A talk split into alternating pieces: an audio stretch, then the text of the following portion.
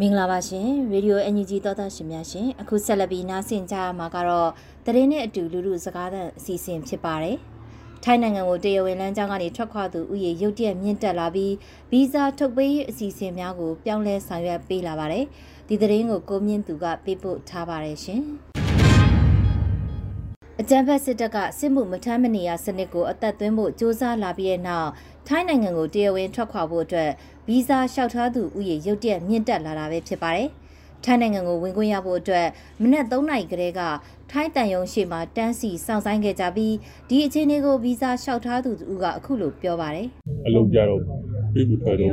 ပြီးကြည့်နေကြတယ်ပတ်သက်ဆိုတော့ပြီးဝင်နေအလေးနဲ့တွားပြီးတော့မှ ဒီရာဗီဇာရာဒီကလေးရဲ့ဗီဇာကို free နဲ့မဟုတ်ဘဲနဲ့ကလေးရဲ့ဗီဇာနဲ့ဒီအလေးပြီးတော့ပြီးတော့ပြောပြအောင်မှာအာဗီဇာပြန်တက်တန်းတို့အလုံးမျိုးတွားကြတာရန်ကုန်မြို့ကထိုင်းတန်ယုံကတော့ရုတ်တရက်ဗီဇာလျှောက်ထားမှုမြင့်တက်လာတဲ့အတွက်တရက်ကိုလူ400စာဗီဇာလျှောက်ထားခွင့်ပြုခဲ့ပြီး3ရက်စာလူပေါင်း1200အတွက်တိုကင်တွေကိုကြိုတင်ဝင်ငှခဲ့ပါတယ်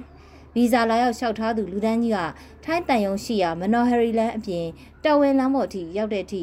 လူဒန်းရှည်ကြီးကိုတွေ့မြင်နိုင်မှာဖြစ်ပါတယ်။ဒီခြေတွေကိုတုံကင်လာရောက်တန်းစီသူတူကအခုလိုပြောပါတယ်။ဟိုကဘာဆိုရလာတိုးနေဒီတဲ့တော့စီကြတယ်ဒီလိုကြည့်လို့ဘယ်တော့ပြီးလဲအခုစမတ်တရားကဒီကငါးတဲ့ကမ္ဘာကြီး ကမင်းနာတော့ဘာကြတော့ရှေ့ရလောက်ကိုရလောက်ဆိုရင်အင်းမပုံတူအဲ့လိုမျိုးချားပါမယ်တော့သိတယ်